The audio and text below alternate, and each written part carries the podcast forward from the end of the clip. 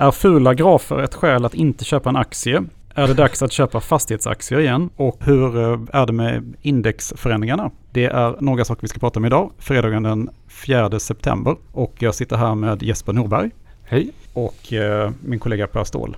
Inte jag, din, inte jag din kollega? Jag får, jag får knappt hälsa. Hej säger jag igen. Ja men hej Ja, men märkte du att han sa jag sitter här med Jesper Norberg och min kollega Per Ståhl? Ja men min, jag tänkte säga min närmsta kollega. Eller min, min kollega som sitter, som jag sitter mitt emot. Vänta, gräv inte djupare nu. Nej, Det, hand, det har ingenting med någonting annat att göra. Mer fysiskt i avståndet. Vad säger vi om, eh, det kom ett ganska rejält fall igår på Nasdaq. Men det verkar som att eh, det ska stiga idag igen. Alla satt ju och väntade på ett litet Ja, det känns så, eller hur? Som att, att det här var på något sätt... Eh, ingen blev väl säga jätteförvånad, eh, kanske. Fast det är alltid svårt att veta när det sker. Men, men det var lite, jag pratade med Sean George igår på förmiddagen innan det här och han sa att Nej, det kommer nog en sättning nu. Och han, han eh, hänvisade sig ibland till att VIXen har ju stigit lite grann senaste dagen. Räntemarknaden har rört sig ett annat håll än aktiemarknaden och så vidare. Så att, och sen är det lite sektorrotation och sånt där. Men det är väl lite grann så här... Precis, lite grann sektorrotation. För jag kollade Ja. lite på så här, eh, alltså de här riktiga dog-aktierna, de steg ju faktiskt igår. Som Ja, eh, rederiaktier och flygplatsaktier och sådär. De var upp ganska kraftigt trots och, raset. och Man kan väl nästan säga, eller nu, nu är det här, det var en liten sättning och nu går det upp idag, men att det har ju pratats ganska mycket sista tiden, jag har pratat med många förvaltare om att ja, men är det så att konjunkturen gradvis förbättras som vi ändå har sett, ja men då kanske det är dags för lite cykliskt och ja, men då, om ekonomin kommer igång igen då kanske de här lägers ska gå upp. Och då är frågan, ska allt gå upp eller blir det en sektorrotation som det kanske eh, tyder på att Vi hade det ju var? till exempel Bufab idag. Mm. Mm. Säger ju att nu är det tillbaka på normala Ja. nivåer igen. Eh, Så då väl det rim, för det är väl fortfarande så att över 60% av aktierna på S&P 500 ligger på minus i år. Ja, det är helt otroligt. Eller? Så att det här är ju verkligen en rörelse som har, alltså börserna har ju dragits upp av stortech, verkligen. Ja, verkligen. Eh, Och snabbt har det gått på slutet för en del av de här aktierna. Och vi har pratat om värderingarna. Så att ne- nej men det känns väl som att eh, marknaden testar sig fram lite grann nu. Ja, verkligen. Per, du sa ju något smart till mig alldeles nyss. Det här med psykologi och börsnedgång. Ja just det, vi pratade lite om det här. Nej men det var ju lite, nu har det ju gått ner i någon dag eller några, två dagar Just tror det. jag. Per igår. Ja, vad var det? Du får påminna mig. Ja men det handlade om det här med psykologi. Att väldigt många människor vill att... Jag tittar på följer liksom finanstwitter en del och väldigt många vill ju att det ska rasa. Så att det var väldigt många som var väldigt glada igår. över att det gick ner mycket. Men samtidigt är det sådär att eh, det är en psykologisk grej där att alla som inte är inne i marknaden vill ju att det ska gå ner. Ja men precis, det var det Mm. vi pratade om lite. Mm. Är man inte inne i marknaden, har pengar, varit utanför för att det är för högt värderat, gäller det inte bara aktiemarknaden. Jag, Mm. jag, jag kan dra paralleller med fastighetsmarknaden om man liksom sitter och väntar på att fastighetspriserna ska ner och så då. De är ute och kraxar. Precis, Mm. de kraxar. De Samtidigt, jag menar, ta en Nasdaq-graf från årsskiftet. Det som hände igår är ju liksom, det är knappt som man ser det i grafen. Ja, det är tillbaka till 25 augusti tror jag. Något sånt det, det är ändå på något sätt eh, svårt att kalla det för ett, Ett ras. Ett ras liksom. En Om man liten- ser på hur otroligt fort det har gått upp för vissa aktier inom tech. Så, här, så man har själv slagit sig för huvudet. Och varför Mm. rör det sig på det här sättet? Vad är det för flöden som ligger bakom det? Vi får se vad som händer under hösten. Ja men det där är bra. Jag tar stafettpinnen där Jesper. Eh, Flö, vad är det för flöden? du? Mm. Då kan jag, Berätta. berätta, jag kan berätta att det finns, eh, det finns en hel del flöden som har rört sig nu. Det är ju augusti, eller var augusti. Mm. Så Man gör mycket indexrevideringar Mhm. i den här perioden på året.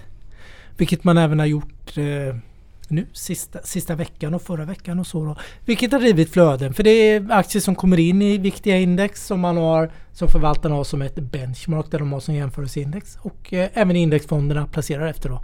Mm. Vilket skapar rörelser. Vad är det som har hänt nu då? Eh, jag vet inte var jag ska börja för det har hänt så jättemycket. Börja uppifrån liksom. jag börjar, vi börjar på hemmaplan då. Ja. Stoxindex eh, levererar index, eh, europeiska index. Är det Eurostox 50? Eurostox Mm. 50 är det stora. finns extremt mycket derivatprodukter. Mm. Eh, och det finns indexfonder, det finns allt. Det görs väldigt mycket kring eh, den här populationen. Där kom det fem nya bolag. Berätta. Eh, ja, faktiskt. Det, jättegärna. Prosus har ju vi med. Det är den här stora sydafrikanska spinoffen från Naspers som kom på Amsterdambörsen. Och det vet jag precis för det var 11 september. Det är därför jag kommer ihåg det. I fjol. Så den, den har snart varit ett år då. Den har kommit in efter sitt knappa ett år då på som eh, börsnoterat bolag kommer in i, i Stocks 50-index. Den gör Stocks 50-index mycket, mycket mer tekniktungt. Mycket mer, precis. Eh, ja. Kan jag säga. Eh, för man får också med den holländska betalnings, digitala betalningsförmedlaren som jag inte kan, Adyen. Adyen ja. Adyen kommer också in. Eh, Vonovia som du gillar. Det är ett tyst Hy fastighetsbolag. hyresfastighetsbolag. Det är Hyresfastighetsbolag. Sveriges största hyresfastighetsbolag faktiskt. Ja, du ser. Är det? Mm. Jaha. De kommer också in i index. Och Tysklands största. Och sen har vi Pernod Ricard som är känt lite i Sverige. De köpte Absolut Vodka. Mm. Eh, Hur är det med ESG då förresten? Ja, det men det, det, Det är ingen ESG den här tittar på likviditeten och man ska Mm. ha en bra mix av hur världen ser ut i Europa och så. Men i vårt östliga grannland Finland, det är ett euroland, det glömmer vi bort ibland. De har inte finska mark längre. Där är hisstillverkaren Kone med. Så de fem bolagen kom in och eh, Blandad eh, grupp bolag. Ja, och samtidigt då försvinner ju lite bolag och det är fortfarande bankslakten fortsätter. Två jättestora banker slänger man ut. Santander, den stora... Nej, det gör man inte. Bilbaobanken. Okej. BCO Bilbao eh, går ut och den stora franska banken Société Générale Mhm. Eh, försvinner tillsammans med två telekombolag då. Så det är väl lite tidens tecken då. Verk- Intressant med tanke på hur Europabörsen har varit så dominerad av banker och så vidare. Nu är det nya tider och vi har tidigare Mm. pratat Ja. om att Europa inte haft lika mycket tech Nej. och därför haft en lägre Ja. värdering än amerikanska. Ja men biten. precis Ja. och inte gått lika Ja. bra. Och det är så bra att du säger det för jag, jag har ju grottat lite i statistiken då för jag visste att du skulle ta upp den här frågan. Och bankerna innan finanskrisen då 2007. Europeiska banksektorn vägde 20% av europeiskt Mm. index. Idag, oh, jag kan knappt säga det. Under 10 var 6 Ja, procent va? 6% säger Ja, de. precis. Jäkla skit. Jäkla skillnad. Så att- Det var det ena. Mm. Adyen då, den holländska betalningsförmedlaren, kom även in i van, eh, vanliga stocksindex. Det finns ju två då, en Eurostox där man är Euroland och en utan då. Eh, och där åkte den eh, Bilbaobanken ut. Det var början. Jag tänkte bara... Jag har ju en artikel om Yandex idag. Det är lite Rysslands Google och Amazon och Uber och lite allt möjligt. Den har gått väldigt bra. Min poäng är lite Process har gått väldigt bra. För man har handlat upp den inför att det har varit spekulationer om att den ska komma in i Stocks 50-index, även Adyen. Så de tech, eh, liksom tech-relaterade bolagen har gått väldigt bra för att man vill ju liksom frontrunna det hela. Mm. I Ryssland har det hänt samma sak. Det kommer den här Yandex, den stora ja, ryska Google. Den kommer med i MSCI Russia Index. Det är bara 22 bolag. Där kommer den in. Jag är lite förvånad att den inte har varit med där tidigare faktiskt. Ja, det kan man vara. Men det eh, är jag också. Men Mm. hur som helst, den, den eh, blir topp 5-bolag där. Jag tror Process också kommer bli en av de stora bolagen då på Stocks 50. Ni hör var jag är på väg att komma. Det är det ena. S&P 500 index håller man också på att göra förändringar. Det stora amerikanska breda indexet. Där är ju Tesla på Mm. väg. Just det, jag läste det igår. Mm. Tesla kommer in och det kommer bli det 17 största bolaget nu om det inte blir för stora förändringar. Så den går från 0 till 17 liksom. I viktmässigt, market cap-viktat då. Och eh, lite Det- intressant. Det ger lite flöden eller? Eh, Det kommer ge mycket flöden tror jag och det är säkert också frontrunnat. Det är det vi har sett lite. Ni, Mm. ja, ni ser med röda tråd. Men det slutar inte här. Dow Index, ni vet det här de 30 amerikanska bolagen då som gör det Dow Jones Industrial Index. Där gjorde man också en, i fredags eller nu i helgen eh, en eh, stor förändring faktiskt. Man slängde ut hela tre bolag. Det är bara 30 bolag så 10% av bolagen försvann ut. Eh, Lite tidens tecken. Exxon, olja, ut. Mm. Pfizer, jag vet inte. Mm. De flaggar själva för att de har något, eh, någon bra produkt mot eh, covid. Eh, Raytheon, den här försvarskoncernen. De här tre Robotar, va? bolagen eh, plockar man bort då. Och in kommer Salesforce, den här Just stora molntjänstgiganten som också har gått eh, kopiöst mycket nu sista månaderna. Den gick väl 25% någon, på en, någon enskild dag. Ja. Ja, den, Ja. den lämnar en bra rapport. Amgen kommer in. Alltså det är lite tidens tecken. Den matchar man ut tror jag mot Pfizer. Man ser det är lite ny. Ja, du, du kan ju Old den där... Pharma mot Ny Pharma. Nu har Ja. ju Amgen funnits väldigt många år men de- de är ju Ja, men det är lite det gammalt biotechbolag som Ja. vuxit. Och sen tar man in Honeywell. Det är väl lite industri, ett stort konglomerat. Konglomerat, men de ja. Mm. gör industrirobotar och mycket lite mer moderna då. För det här ska ju avspegla det amerikanska näringslivet, är det tänkt. Mm. Ofta har man kommit lite sen. Jag, jag, tycker kritiken man kan framföra att de är alltid lite sena på pucken. Med bolagen. Amerikanerna? Kan, ja, eller hela den här när man gör de här ja. förändringarna. Att det ska spegla amerikanskt näringsliv. Men det, de här bolagen borde kanske kommit in för två år sedan. Det är klart det här rör om saker och ting. Ja, och som lök på laxen ja. så har ju Apple splittar ju nu också. Eller har splittat. Och Tesla också. Har splittat. Och Tesla också. Mm. Men framförallt Apple, för det Dow Jones-indexet är väldigt rudimentärt och gammalt index. Så den, där räknar man det är liksom aktiepriset som är vikten och inte bolags market cap. Vilket ah, gör att den handlade ju, handlades ju norr om 500 dollar. Och nu är nere på 120 dollar. Så den väger mindre. Nu väger Apple mindre i index. Och min poäng är med alla de här indexen. De blir mycket mer tech-tunga mm. indexen. Lite mindre banker, mer av det nya. Jag tech håller på att bli det nya bank helt enkelt. Ja, det är intressant. Ja, men det och det kanske intressant. kan ge lite skjuts till Europaindex framöver ja, också. Det, det tror jag också mm. att det kan göra. Det borde ju locka över en del. Jag tänker Process handlas ju till enorm rabatt också. Mm. Tencent-innehavet. Vilket är inte ja. så vanligt bland techaktier eh, i stort. Väldigt Men när det blir en bubbla, vi pratade ju om det sist. Vi, det var ju lite, vi pratade ESG. Ja, Förra veckan att ESG kanske är mer bubbla än Läste tech. du uh, artikeln i Financial Times idag om Tomra? Nej, jag har inte... Icke en sågning. Berätta, jag vill höra. Nej men alltså de uh, bara... Uh, jag kommer inte ihåg rubriken just nu. Jag kan googla fram det. Men, men det var ju verkligen de, de var helt förundrade i, i övervärderingen på Tomra. Eh, vad var det? P70? 80 tror jag till och med. EV ebit 40. Eh, EV sales 67. Eh, och de undrar liksom, det var ju typ så här, när kommer kraschen liksom? Jag såg att aktien var ner 4% ungefär nu när vi spelade in det här. Och de, de ifrågasatte även liksom eh, lönsamheten och de fria kassaflödena hade liksom inte förbättrats i samma takt som... Och, och tittar man på kursgrafen på Tomra, det är ju liksom nonstop uppåt i vad är det, typ fem år och sånt där. Mm. Eh, så, så, att eh, det kanske stärker då den tesen vi pratade om förra gången, att det kanske är där som de alldeles för höga värderingarna finns och som har varit väldigt flödesdrivet. Eh, extremt flödesdrivet under av nästan ett år tror jag har det bara strömmat in pengar. Eh, inte bara i Sverige utan överallt till ESG. Ja men det gör det ju fortfarande. Ja, ja, alltså jag, helt, får ju, ja. jag får ju pressmeddelanden varje dag av de här stora bankerna och förvaltarna globalt. De har, de, alltså det verkar vara helt outtömligt att få in kapital till ESG fonder eller ESG-investeringar. Det flödar in kapital. Här, här är för övrigt rubriken då från uh, Financial Times där Alphaville. Uh, This is nuts. When does Tom, Tomra crash? Det är rubriken. Liksom. Mm. Det är ganska hårda ord. Ja, ganska hårda ord. Uh, inget illa om bolaget. De gör det bra. Men, men någonstans, som jag sa i någon intervju här i veckan, liksom, jag kommer ihåg en tid när man tittade på värderingar. Liksom. Precis. P har betytt någonting. Och de, de jämförde just Tomra med eh, fangbolagen. Att de är ju uppe där bland de värderingarna. Man har inte den tillväxten. Om jag, jag kan inte detaljerna men, men har kanske inte samma operationella momentum som många av de här techbolagen. Nej. Och sen Nej. Har, det, har det också att Latour har ju faktiskt uh, börjat göra en exit i, Exakt. i Tomra. Och det är ju ett, kanske ett tecken då i... Och, och du kan ju väl lägga in Nibe som jag nämnt tidigare också som också har väldigt höga multiplar.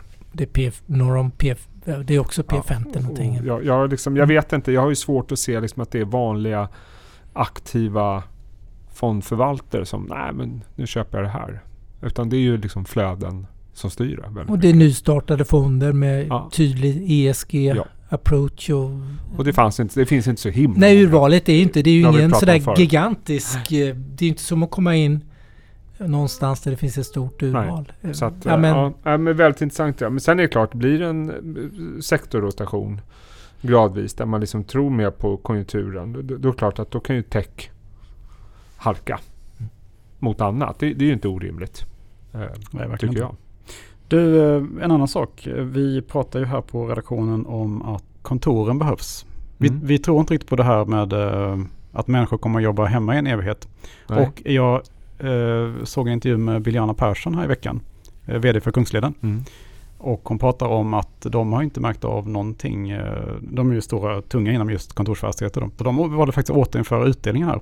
Just det. Och det är väl kanske ett, ett tecken här på att vi, men fortfarande är fastighetsaktier väldigt pressade Ja, om man jämför med index. Och jag tror det var DNB som kom med någon analys där man tittar på hur hemarbete skulle påverka fastighetsbolagen. Och ja, andelen hemarbete skulle öka men det var ju liksom det var ju inte några astronomiska siffror. Det var från 0,5 till 1,5. Jag kommer inte riktigt ihåg. Men, men det var inte så att det liksom gick till 50 procent. Kontoret, kontoret kommer inte att dö. Liksom. Nej, och sen var det som någon sa också att eh, dessutom behöver man kanske ännu mer yta. För man kanske inte ska sitta så tight som man har gjort tidigare. På en del ställen sitter man ju otroligt tight. På, titta på en mäklardesk eller vad som helst. Vi sitter väl okej. men det är fortfarande ytor kommer behövas. Och jag tror ju som sagt att människor vill. Det märker vi bara hos oss på Avanza. Att människor vill ju verkligen.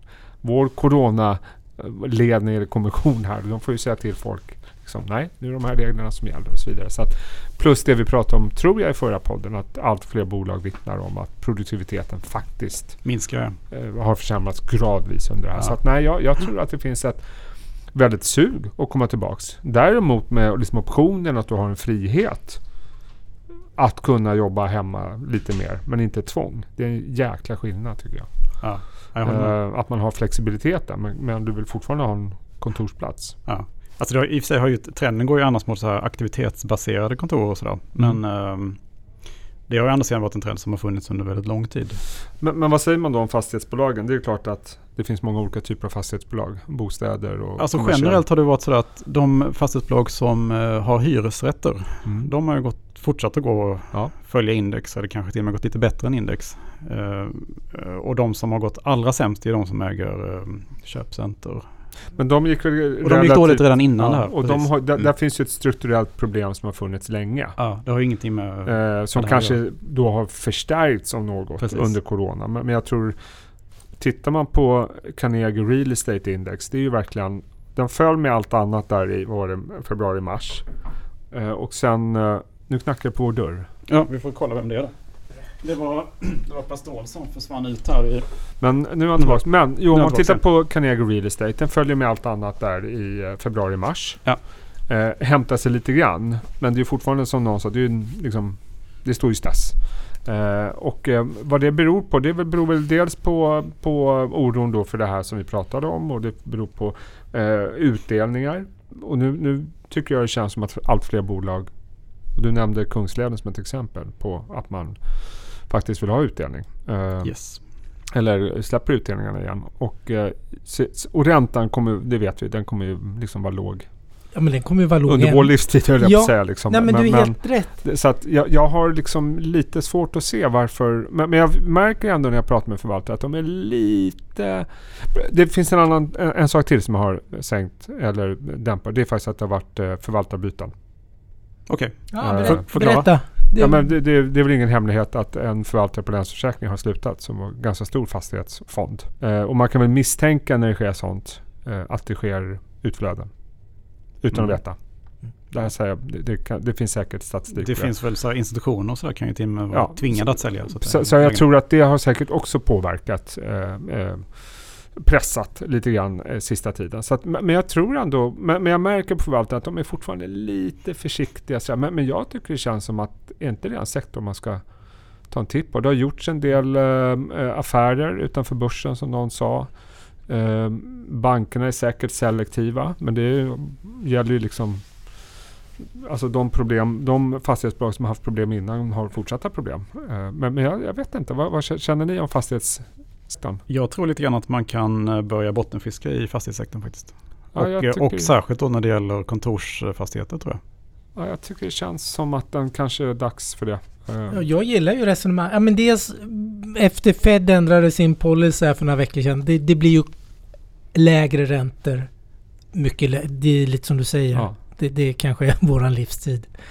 De har ju ändrat hela tänket nu och det kommer smitta av till ECB och Riksbanken vad, vad, vad, vad tiden kommer tror jag. Och sen tror jag, jag, tror att man går bort sig. Analysen är så enkel att göra med Corona att man ska jobba hemma. Jag, alltså jag tror på Jespers det briljant är att det kommer krävas större ytor helt plötsligt för att du vill inte sitta så tätt på kontoren. Jag tror att det blir konsekvensen om vi ska leva med Corona eller liknande epidemier. Att man kan tänka sig att de kommer mer frekvent. Du, du vill ju inte sitta som packade sillar på kontoret.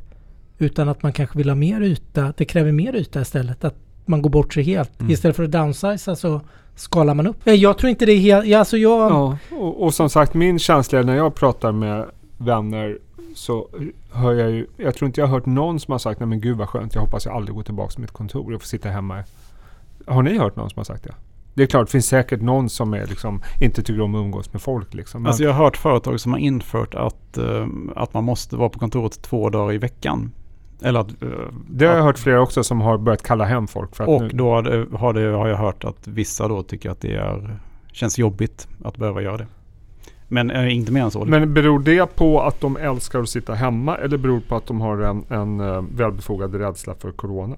Ja, det är väl en kombination av det. Men jag skulle tro att man också har vant sig vid att vara hemma och att det är väldigt bekvämt att vara hemma och du kan eh, göra alla ärenden och sådär snabbt eh, när Mm. du sitter hemma. Så det är mer att man har installerat sig Jag har jag. ju inget emot att sitta hemma och jobba. Jag, men jag tror att det är väldigt mycket lättare att sitta hemma och jobba om det är frivilligt. Om du har liksom flexibilitet på din arbetsplats.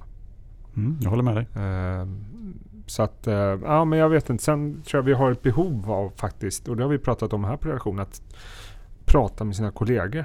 Alltså, och, och utbyta idéer och spåna på grejer och så vidare. Och det gäller väl misstänker de flesta industrier. Det är Ja. en annan sak att sitta med, med liksom en Zoom-möte. Tycker jag. Det är bara min personliga... Ja, det är många dimensioner du inte får med i ett Zoom-möte. Du kan Ja. ju inte liksom, du känner inga lukter. Du luktar inte på dina kollegor till exempel. Vilket vi alltid gör här. Vilket vi gör. sniffar varandra. Nej, men, men jag tror fastighetsaktier kanske man ska eh, titta lite grann på. Ja. Eh, nu Mm. faktiskt. För det är faktiskt en sektor som inte... Visst, den gick otroligt bra innan pandemin, ska man inte glömma. Den den hade ju några fantastiska år. Men, men eh, ja, jag vet inte. Jag, jag tycker det känns lite intressant faktiskt. Och, och ett lite, om är man ytterligare lite mer på risknivån så kan man ju börja kolla på hotellfastigheter också. Eh, skulle jag säga. Pandox VD, Tecknade, tecknade var jätte- optioner här, va? optionskontrakt här, Ja. va? Mm. intressant. Den är väl fortfarande Det rejält. Fem år tror jag det var på och eh, kursen ska vara över 150 någonting. 156 Ja, det tror jag. intressant. Och den handlas i 100 nu ungefär. Och jag såg en intervju på tv igår med någon hotellägare i Malmö. De var uppe i 50 procent Det är betydligt Eh, bättre Mm, nu. kapacitet nu. Vilket han sa att det är inte bra, men det klarar vi oss på. Ja. Ja, de har nått break-even i alla fall. Ja. Mm. Om jag förstod. Det var ju det. Jag vet inte. Det finns säkert hotell som inte klarar det. Jag, jag tror att eh, hotell och resande är exakt samma logik som med kontoren. Att man vill resa egentligen. Så att eh, det där kommer man ju Mm. det blir väldigt intressant att göra. se när vaccineringen kommer igång. Hur det kommer på. Om människor bara kommer vara som kor på grönbeten och bara slänga sig ut i världen. Jag tror att vissa delar av eh, befolkningen kommer vara så. Att de eh, Ja. måste ut direkt. Det kan Och jag, jag kan tänka på att ganska många har sparat. Nej, det är ju nästa QE som jag läste någon analys. Mm. Att om man börjar ta ut de här, den här övers, man har sparat, översparat eller hur man nu Vi ska... får ju se vad som händer med sysselsättningen. Mm. Den är ju fortfarande ganska hög. Den blir väldigt intressant. Du, en eh, annan sak. Tycker ni, när ni läser liksom bolagsprestationer och sådär. Hur viktigt är det då att, att de är snygga och att graferna är perfekta och sådär? Jag tänkte på att jag, jag pratade med en eh, kompis med mig nyligen här om eh, ett tyskt bolag. Eckert und Ziegler som Ja. tillverkar Ja, de gör strålkällor helt enkelt. Och han kikade snabbt in på deras eh, prestationer och sådär och tyckte Ja. att eh, de här graferna ser ut som de kommer från 80-talet. Så att det ger ett väldigt dåligt intryck av bolaget. Eh, vad jag tycker? eller tycker vad ni om det? Nej, alltså är, är det kombinerat med en extremt dålig presentation i övrigt så kan jag väl hålla med. Men om presentationen i sig är liksom, där, Okej. där grafen bara är ett enkelt stöd, då bryr jag mig inte så mycket. Sen finns det ju andra typer. Får, får jag berätta en an- anekdot? Ja, Kör självklart. Det här är många år sedan jag var analytiker på HQ kanske. Då var det en, jag ska inte nämna vilket bolag, ganska nynoterat på den tiden, bolag som eh, hade en presentation. Och finanschefen drog upp en, en graf på vinst per aktie för bolaget för att visa hur bra det var. Så hade de jämfört med peers. Problemet var bara att det här bolaget redovisar i kronor, någon i dollar, någon i pund och, och hon sa liksom, ja men titta här, det här bolaget tjänar ju bara 0,68 e, EPS. Vi har ju Mm. liksom två kronor. Mhm. Det, det var liksom du vet, och du vet, jag har aldrig sett en Saab som har vridit så mycket. Den finanschefen tror jag fick lämna strax efteråt. Men, men det var ju... Och ni påpekade det direkt såklart. Ja men det, var- det var ju fullständigt i- irrationell Ja. jämförelse. Dessutom tror jag det var olika tidsperioder och sånt. Ja, det, var, Man kollar bara på det absoluta talet. Så, så att, men, men eh, det var ganska amatörmässigt. Ja, men det var en annan. Den var säkert snygg i sig. Jo, jo. Men, nej, men jag kan inte... Alltså är presentationen väldigt, väldigt bra. Mm. och du får den informationen du behöver, då är väl egentligen grafen bara ett stöd. Det är väl bra att de ägnar tid åt andra saker. Och pengar åt annat än att köpa dyra grafer, tänker jag. Lite Ja, på alltså, sidan sådär. För det, det har man ju sett så många presentationer som varit urtjusiga men de varit totalt i, innehållslösa. Liksom. Det är också vanligt. Ja, precis. Innehållet är viktigare. Jag tycker det Karl-Hans. Jag inte sågar din Men det ser ut kompis, som men- du inte riktigt håller med. Nej. Nej, men jag det- tänker lite så här att det jag, jag tror att man ska se lite hur, hur eh, stort market cap ett bolag har eh, och bedöma dem utifrån det eh, också. För Mm. att eh, det här bolaget då har ett market cap på runt 8 miljarder SEK. Det är fortfarande ganska litet då. Det är jättelitet. 8 Eh, miljarder SEK. Och då, då brukar det vara att finanschefen sitter där och, och sköter IR-arbetet med, Ja. med lillfingret kanske. Och då kan man förlåta dem mycket enklare tycker jag. Men om till exempel eh, ett större bolag, Thermo Fisher till exempel. Mm. Om de skulle ha dålig IR och dåliga grafer, då kan man tycka att det där är en hygienfaktor. De borde anställa, ha anställda för att fixa det här. Oh. Lite, lite sådär tycker jag man ska tänka ja. kanske. Men eh, Men innehållet är viktigare. sen Innehållet finns, ju, sen finns det ju de som gör en grej av det också. Jag, jag tror när jag följde Getinge på 90-talet, då var det liksom, jag tror då Getinge var det sista bolaget som skaffade en hemsida liksom. Ja. Och de gjorde en liten grej av det liksom. Mm. Mm. De, de tyckte wow, det är lite häftigt. Jo, det kan- låter liksom affären tala. Mm. Sen fick de ju en hemsida.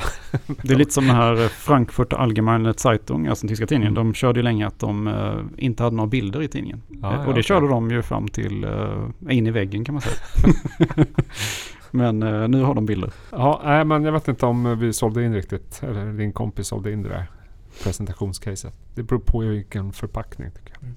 Ja, han hörde av sig till IA också och då var de jättetrevliga och sådär. Så att jag tror att han ändrade sig sen. Kanske ligger efter på nätet. Exakt. Jag har lite nya insights som jag har läst idag. Jaha. Jaha, vad du, vad du jag har ju missat Tomra-storyn idag uppenbarligen. Men jag har jag man har ju inte tid att titta på alla de här nyhetskällorna och informations... Det är för mycket. Det är för mycket.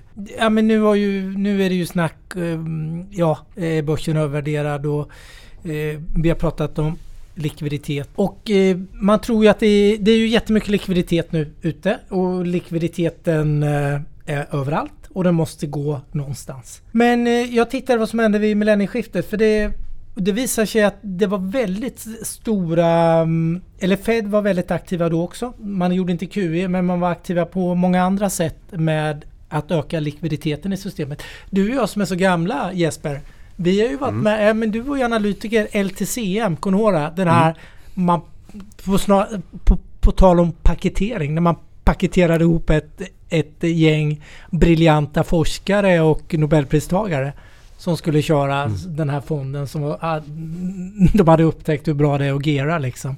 Eller få hävstång i det hela. Som körde in i väggen, kommer ni ihåg det? Ja.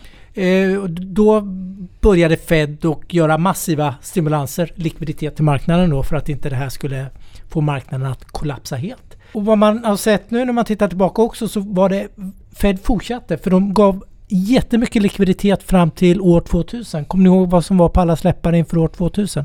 Mm, Ja, absolut. Det var two, vad heter det? 21K? Ja, det här Millennium Bug som man Ja. var jätteorolig Hette, för. vad hette, hette det 21K? Ja, det hette det. Ja. Y, y, uh, y, ja, Y2K. Y2K, exakt. Y2K. Computer bug. Och då gjorde man massiva likviditetsinsatser för att marknaden liksom skulle... Man pumpar in jättemycket pengar i systemet. Så man började ta bort efter, Mm. efter millennieskiftet. Vilket då, mm, när man ser på forskning och sånt nu, tror jag att det var en bidragande otill, o, orsak till att bubblan Jaha. brast. Det var i mars 2000 va? Ja, så, Mm. och, och under... Man, gjorde, man drog tillbaka ganska mycket likviditet då. Under ett par år. Mm. Eh, men min poäng, för nu är det ju också jättemycket likviditet i systemet. Det är faktiskt mer likviditet än vad det var då. Men vad det jag läste idag var intressant. Det var att den likviditeten som kom vid millennieskiftet gick mycket mer till aktier. Idag är det inte lika tydligt att den går till aktiemarknaden. Den går, guld har vi sett går upp. Eh, eh, obligationspriserna liksom är lägre än någonsin och så. Då. Så att det, eh, likviditetsmässigt är det inte samma stora, vad ska man säga, likviditet till, till just aktier som det var. Samma tryck. Samma tryck, vilket talar för att det finns mer kanske för aktier att göra. Att det kanske inte är den här lite, Mm. om man ska dra en parallell. Jag tyckte det var intressant. Jag har inte läst det tidigare. Nej, Jag har inte läst att det kan ha varit utlösande faktorn till att eh, bubblan då sprack faktiskt. Det, det var helt nytt. Ja, intressant. Uh, jag har en annan liten, liten iakttagelse också. Ja, berätta. Får jag? Uh, och, och då återgår jag till du och jag som är så gamla. Uh, Men vi är väldigt fräscha. Så, vi är, så det är fin förpackning. Du pratar ju om innehållet. Det, det Dålig presentation. Men det är bra innehåll. jo, men jag tänkte på det på slutet av 90-talet. Då var det ju en boom av biotechbolag som kom till börsen. Hur många som helst. Uh, och jag, menar, jag vet bara när jag jobbade på Aragon på den vi var fem stycken som följde hälsovård tror jag. Fyra, fem stycken beroende på. För det var, det, det var så många bolag. Ingen av dem lyckades i princip. Uh, det, det, var ingen som gick i mål med, med, produkter. Men nu hör jag väldigt många säga, och det pratas mycket om, men jag pratar med flera förvaltare, både hälsovårdsförvaltare och generalister som säger att fan, nu är vi nära genombrott. På flera håll. Många svenska biotechbolag som har kommit väldigt långt och är nära kommersiellt genombrott. Det är ju jätteintressant. Vi har liksom Hansa och Oncopeptides och massa sådana här bra bolag. Det är ju intressant för den sektorn. Tycker jag. Ja, jag håller med dig. Och det har väl aldrig varit så mycket FDA-ansökningar inne från svenska biotechbolag. Och det, det, det talar för, nu har ju många av dem gått väldigt bra, men det kommer fortsatt stöd. Och min gamla tes vad gäller biotech, det är liksom att det är egentligen aldrig för sent att köpa ett bra biotechbolag. Eh, eh, för att det finns ju alltid en risk inför ett godkännande. Att det blir väldigt binärt. Liksom, att nej, man får ett nej. Och det är liksom ingen som vet riktigt. Och då blir det väldigt kraftiga fall. Så att en del avstår ju att ta den risken inför ett besked. Och så känner man sen, nej men då är det för sent sen. För då går det upp liksom ytterligare när beskedet kommer. Men långsiktigt så brukar det inte vara en dum affär att köpa en aktie som har, efter de har fått ett godkännande. För att då kommer liksom försäljningssiffror, det kommer liksom avtal, det kommer liksom ett pärlband av oftast ganska bra nyheter under ganska lång tid. Ja, och det stödjer ju kursen. Jag ja. köper det resonemanget. Att, och dessutom ja. har ju, eh, vi har ju sett att det börjar bli mer och mer konsolidering i hälsovårdsbranschen. Vi har sett eh, uppköp sista tiden, inte bara inom biotech utan pharma och medtech och så vidare. Eh, vilket gör att jag skulle säga att uppköpsmöjligheterna, eller eller risken om man ser det negativt för svensk industri, är, ökar för varje dag. Eh, och inte minst också efter man får godkännande. Så att det är en sektor som har gått bra men jag tror att där finns det jätteintressant tid framöver. I och med att det är så många som är nära kommersialisering. Det kommer ge stöd åt hela branschen. För jag kommer ihåg hur frustrerande det var på 90-talet. För det var verkligen, det vi följde, jag vet inte hur många biotechbolag vi följde. Och det var liksom ingen. Oxygen kommer jag ihåg. Oxygen, Neosensamid hette deras produkt. Mm. Som var liksom en den presentationen skulle presentera i Tyskland tror jag. Mm. Och de hade en telefonkonferens, äh, analytikerträff. Jag har aldrig varit på en analytikerträff med så mycket folk. Alltså det var, vi pratar framfab-nivå på det. Mm. Och där man började gräva. Och de gick ju först ut tror jag och sa att det var jättebra resultat. Men sen började någon smart analytiker, inte jag, eh, nysta i det och kom fram till att men det här är ju jättedåligt. Mm. Och så var det bara slipp, slapp, slut. Ja. Mm. Ja. Och det var många, vi hade Maxim, eh, Maxim, ja, Pharmaceutical hade vi. Vi hade massa sådana här bolag som, det är liksom, det bidde ingenting. Nej. Men nu känns det som att jäkligt intressant. Precis kom... samma sätt som IT-bolagen mm. lärde sig av mm första eh, mm. gruppen. Av första vågen, andra vågen hade man lärt sig. Ja, ja. Det, det, är otroligt intressant att följa tycker jag. Kamurus tänker jag på också. Mm. Det är också... Eh, det finns jättemycket. Jag är jag, fick ju, jag har ju inte handlat någonting med min privata portfölj. Inga aktier? Nej, men grejen är att Jesper har gett mig så mycket idéer idag. Jag är helt... ja men fastigheter, jag, jag tror jättemycket på det. Alltså jag gillar din analys, den är skarp. Och sen även, jag tror jättemycket på att det, det går att få massor med alfa då eller? Jag tror på, på de här jag tror inte man behöver vara rädd för att springa in i det. Nej, alltså jag, jag nu vill jag gå och handla, håller jag på att säga. Nej men, nej men mm. Jag tror att det är eh, en intressant sektor och framförallt fantastiskt kul att vi har nått dit tycker jag. Mm. Ja, man gör ju det är världen... bra för, svensk, för Sverige. Liksom. Ja, men ESG det handlar ju om att göra världen lite bättre. Ja. Eh, de här bolagen handlar ju om ja. att göra människor lite... Ja, men du förlänger liv och du botar liv och det, och det, det kanske är så med den här pandemin att det här är någonting vi kommer se liksom. Pengar kommer komma in till vården.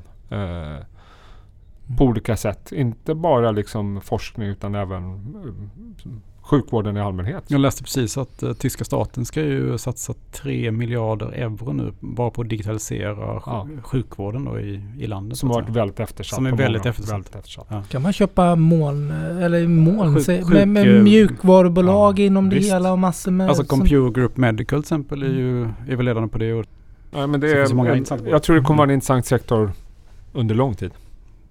Eh, och Så- där har inte alla gått bra. Som Nej. vi pratade med Frick om här i veckan. Det, det är ju väldigt fokuserat på de som har varit akutvård och som har gått bra medan de som har liksom mer sådana här långsiktigt. ortopedi och sånt där Mm. dentalgrejer har inte fått någon skjuts. Men förr eller senare kommer det komma också. Ja, det blir Och jag tror hela debatten om sjukvården att det måste liksom bli bättre och effektivare och snabbare. Och det kommer plöjas in pengar. Ja, det kommer att bli en mer nyanserad debatt tror jag, tror jag också, också. kring det. Mm. Men du Karl, du är ju tradern här vid bordet. Eh, Jag, nu bara Ja, jump to eh, conclusions. Har du gjort någonting Jesper? Jag har ju inte gjort någonting med min. Eh, nej, Nej. jag gör ingenting. du ger bara massor med bra ingenting. idéer. Mm, Bra oss tankar sätter du igång. Nej men jag har väl köpt massa grejer. Eh, Du är ju tradern. Jag har köpt lite, gått in lite i ett telekombolag faktiskt. Jag tycker de är lågt värderade och så tänker jag att 5G kan ge en skjuts kanske. Så jag köpte lite Deutsche Telekom här. Jag såg att eh, JP Morgan satte ritkurs 23 euro, den handlas till 15 just nu. Så att det är ganska fin uppsida och även de andra storbankerna sätter ju köp på den. Sen köpte lite Millicom har jag handlat. Men det är mer, det är också telekom men det är ju lite då ehm, också ett bett på ehm, tillväxtmarknaderna i Sydamerika. Och det är mycket också en valutagrej att den har fallit så mycket som den har gjort. Så att eh, den har jag gått in i. Eh, jag har handlat eh, lite Infineon, tysk halvledare för elbilar framförallt och energiomställningen. Eh, som är lite intressant.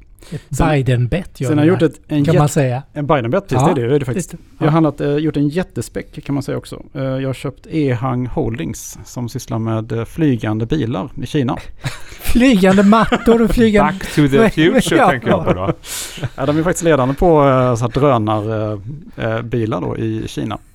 Och, tror, vi får leva, tror vi får vara med om det under vår livstid Per? Nej, men nollräntan tror jag vi... Du, den, ja. den kom, vi, det kommer inte bli någon högre, några Ni, räntehöjningar ni min sitter här och skrattar nu, men det är ju faktiskt så att eh, det här, deras bilar har faktiskt blivit godkända i Kina för räddningsoperationer redan. Alltså eh, de ska ta, ta ner katter från När träd och kan sånt jag här. liksom. flyga ner till Skåne? Det är allt jag vill veta. Men va- Ja, varför kan det- man inte bara flyga? Det är inte säkert att det är så, dröjer så, länge, så lång tid som du just nu tror. Liksom. Men flygande bil, är inte den bara en helikopter? En bil med helikopter? Ja men det är en drönare. Liksom, det, liksom, tänk dig en drönare där du kan sitta i den så att säga. här. Ja, En drönare som du kan sitta i. ja men en dra... Ja. Shit. Ja, ja. Låt, Ja. låt som det Nu låter jag ju väldigt gammal helt plötsligt. När jag säger, ja, Nej, Jag tänker på Ja, Back ja. to the Future, hette den inte det? Jo. Med Michael J. ja, ja, Fox. så Ja. bra. Det Man är tänkte, oh, sådär. Jag säger att det, det är inte så att jag har lagt in hela min portfölj i den, det här bolaget. Men eh, jag tycker det verkar intressant. Vad handlar man den där väldigt, rackaren Väldigt bra tillväxt. Den kan handla på amerikanska börsen. Nasdaq. På Nasdaq, precis. Mm. För att citera Frick, sjukt lång och tokbelånad. Mm. Om någon aktie för många år sedan. Mm. Som gick ner i och för sig. Men, eh, ja. Nej, men det är, sånt där är ju kittlande. Det är klart Mm. det är det. Visst är det Ja, det är klart det är. Ja, lycka till. Med tanke på hur fort det har gått ja. med allt Ja. annat Mm. sista åren så. Jag tänker att Ingenting det förvånande. Mm. Ja, men det är får bra. testa liksom. Sprida risken om inte Fa- annat. Fastighetsspecken gick inte så bra vid corona här så att eh, får testa något nytt liksom. Flygande bilar kanske. Ja, men det är en väldigt bra. Är det avslutningen på den här podden eller? Vi säger det va? Det är helg. Nu tar vi helg. Nu tar vi helg. Trevlig helg. Hej. trevlig helg.